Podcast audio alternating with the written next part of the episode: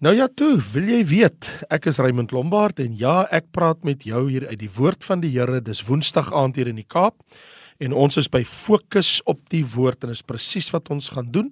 En as jy elke Woensdag aand inskakel op hierdie lieflike program waar ek met jou uit die woord van die Here praat, dan gaan jy nou weet ons is besig met 'n reis deur die evangelie volgens Johannes. So ek lees nou vir jou in Johannes hoofstuk 1 vers 35 tot en met 52. En die volgende dag het Johannes weer daar gestaan en twee van sy disippels.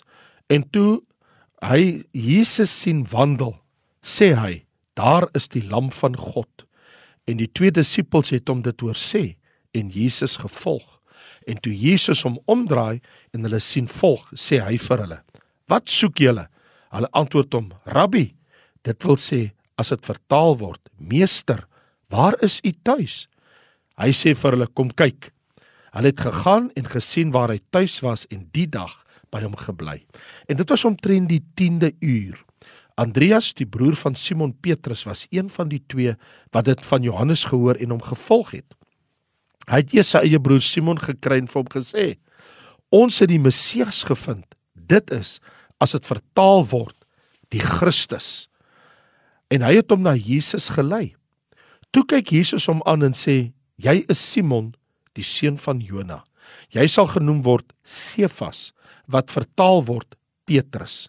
Die volgende dag wou Jesus na Galilea vertrek en hy het Filippus gekry en vir hom gesê: "Volg my." En Filippus was van Betsaida, uit die stad van Andreas en Petrus. Filippus het Nataneel gekry en hom gesê ons het hom gevind van wie Moses in die wet en ook die profete geskryf het. Jesus die seun van Josef van Nasaret. En Nataneel sê vir hom kan daar uit Nasaret iets goeds wees? Filippus antwoord hom kom kyk. Daarop sien Jesus Nataneel na hom toe kom en sê van hom hier is waarlik 'n Israeliet in wie daar geen bedrog is nie. Nataneel sê vir hom waarvandaan ken u my Jesus antwoord en sê vir hom: Voordat Filippus jou geroep het, toe jy onder die vrye boom was, het ek jou gesien. Nataneel antwoord en sê vir hom: Rabbi, u is die seun van God, u is die koning van Israel. Jesus antwoord en sê vir hom: Glo jy omdat ek vir jou gesê het ek het jou onder die vrye boom gesien? Jy sal groter dinge sien as dit. En hy sê vir hom: Voorwaar, voorwaar ek sê vir jou, van nou af sal julle die hemel geopend sien en die engele van God opklim en neerdal op die seun van die mens. Wat 'n geweldige woord wat ons hier vind. En nou ja, die engele wat opklim en neerdal in die hemel. Kosbaar om weer eens in die naam van Jesus om die heerlike woord van die Here saam te kom. So ons reis bring ons nou na hierdie kosbare gedeelte in Johannes waar ons hoor en kan ons sien wat die woord van die Here vir ons sê rondom die feit dat ek en jy hier te doen het met Jesus se roeping van die disippels. Nou wat Johannes hier vir ons doen is, hy vestig ons aandag op die realiteite van geestelike dinge en hoe Jesus vir Nataneel gekonfronteer het en hoe hy sy openbaring gekry het. Nou, hier het ek en jy die roeping van Filippus in vers 44 waar ons lees en die volgende dag wou Jesus na Galilea vertrek en hy het Filippus gekry. Hy Andreas het na hom toe gekom, hy het reeds sy broer Petrus gebring en ons weet dat Filippus toe hy vir Nataneel bring dat die die distansie as jy praat van Nasaret waar uh, Josef was, Jesus se vader en Jesus opgegroei het, was ongeveer 6 km van Kana. En van Kana wat Nathanael se tuisdorp was, was dit mos maar net weer 'n entjie na Betsaida toe. So al hierdie dorpies het so naby mekaar gelê. Kapernaum, Gorasin, Betsaida, ek dink aan Kana, aan Nasaret. Hulle was almal so 'n kluster klein dorpies gewees. En daar was 'n bietjie van 'n wetywering tussen Nasaret en Kana. Daarom Nathanael se uitdaging aan Filippus toe hy vir hom sê: "Maar wat is julle dorp beter as ons in? Wat kan daar in in Nasaret wees wat ons nie het hier in Kana nie?" So toe Jesus Nathanael sien, toe maak hy 'n baie spesifieke doelbewuste opmerking oor die man Nathanael. Maar hy sê in vers 48: Hier is waarlike Israeliet in wie daar geen bedrog is nie. Nou, jy moet mooi let op Jesus se woordkeuse. Hy sê Nathanael is 'n Israeliet in wie daar geen bedrog is nie. So Jesus laat val die klem op Jakob want hy sê 'n Israeliet in wie daar geen bedrog is. Jakob was mos die bedrieër, die een wat God liefgehad het. Ons almal ken mos die verhaal van Jakob en Esau in die woord van die Here. Ons almal ken mos daai gebeure in Genesis 32 waar God gewerk het in die lewe van Jakob nadat hy met God geworstel het, die engel van die Here gestoei het en waar die Here sy naam verander het. Onthou jy daar in Genesis 32 vanaf vers 26 toe hy die nag vir Jakob ontmoet, toe sê hy vir vir Jakob, "Laat my gaan, want die dag het gebreek," maar hy antwoord, "Ek sal nie laat gaan tensy u my seën." En hy vra hom, "Hoe is jou naam?" En hy antwoord die engel van die Here, "Jakob." En hy sê vir hom, "Jy sal nie meer Jakob genoem word nie, maar Israel." want jy het geworstel met God en met die mense en het oorwin. So die bedrieër van 'n man, Jakob, hy het 'n nuwe naam ontvang, Israel. En so Jesus sê, Nathanael was 'n ware Israeliet omrede geen bedrog meer in hom te vinde is nie. Soos die tempelvertaling sê, behold an Israelite in whom there is no Jacob Hier is 'n Israeliet in wie daar geen Jakob is. Hier is 'n 'n man van God in wie daar geen bedrog is nie. So duidelik was Nathanael 'n Ou Testamentiese gelowige soos wat Simon en Anna was wat die Here gesoek het. So in 'n Nathanael se gedagtes flits dit. Hoe weet Jesus wie ek is? Hoe weet hierdie rabbi dit? Nou lees ons in vers 49 dat die Here sê vir hom. Hy sê: "Waarvandaan ken u my?" En die Here sê vir hom: "Toe jy onder die vrye boom was, voor Filippus jou geroep het, het jy mos onder 'n vrye boom gesit. Daar het ek jou gesien." Nou wat duidelik is uit hierdie gesprek, is dat Nathanael het 'n godsdienstige ervaring gehad onder die vrye boom waarna Jesus verwys, waarvan net Jesus alleen geweet het. En wat Jesus eintlik vir hom sê is: Nathanael, ek weet van jou geestelike ervaring wat jy met God gehad het waarvan net jy en God alleen weet. En Nathanael besef oombliklik Jesus sal wetendheid en hy roep uit. Hy sê u is die seun van God, Rabbi. U is die koning van Israel. Wat 'n antwoord van Nathanael. Johannes het in die vorige hoofstuk verklaar in dieselfde hoofstuk maar vroeër Daar is die lam van God. Nathanael verklaar: Daar is die seun van God. Daar is die koning van Israel. Wat belangrik is, is dat Jesus se gesprek met Nathanael sê vir ons iets. Dat Nathanael 'n geestelike ervaring gehad wat niemand behalwe die Vader en Jesus geweet het nie. En net daar draai Nathanael 180 grade om wat betref die man uit Nasaret. Hy's die een wat gesê het, kan daar iets goeds uit Nasaret kom en net daar roep hy uit: U is die seun van God.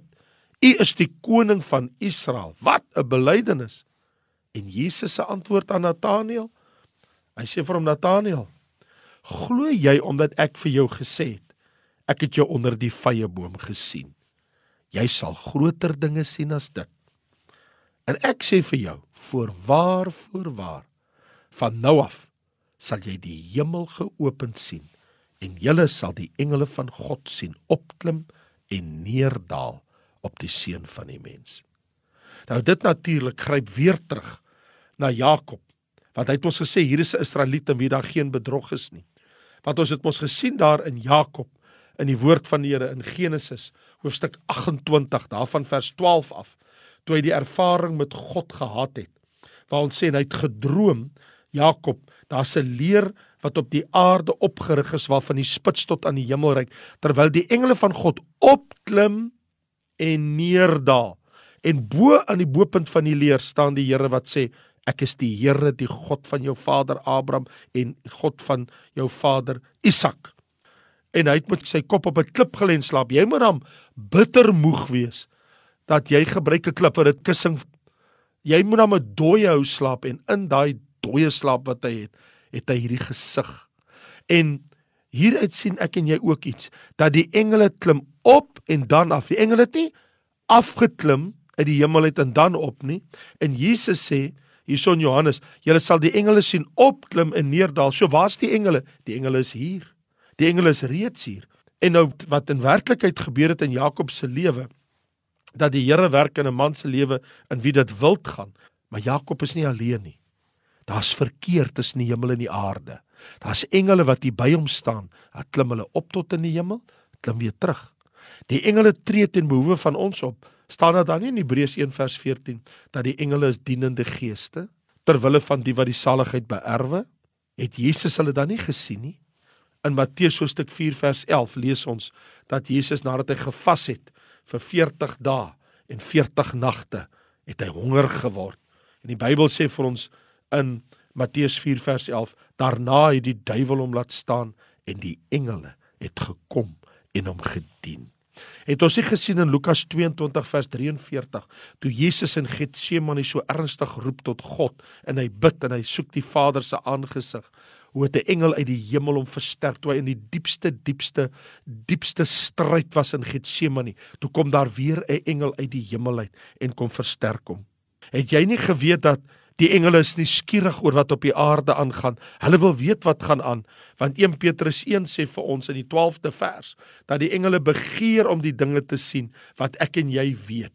Hy sê mos da, dis aan hulle geopenbaar aan die profete dat hulle nie die dinge bedien het vir hulle self wat hulle aangekondig is nie, maar dinge waarin die engele begeerig is om in te sien.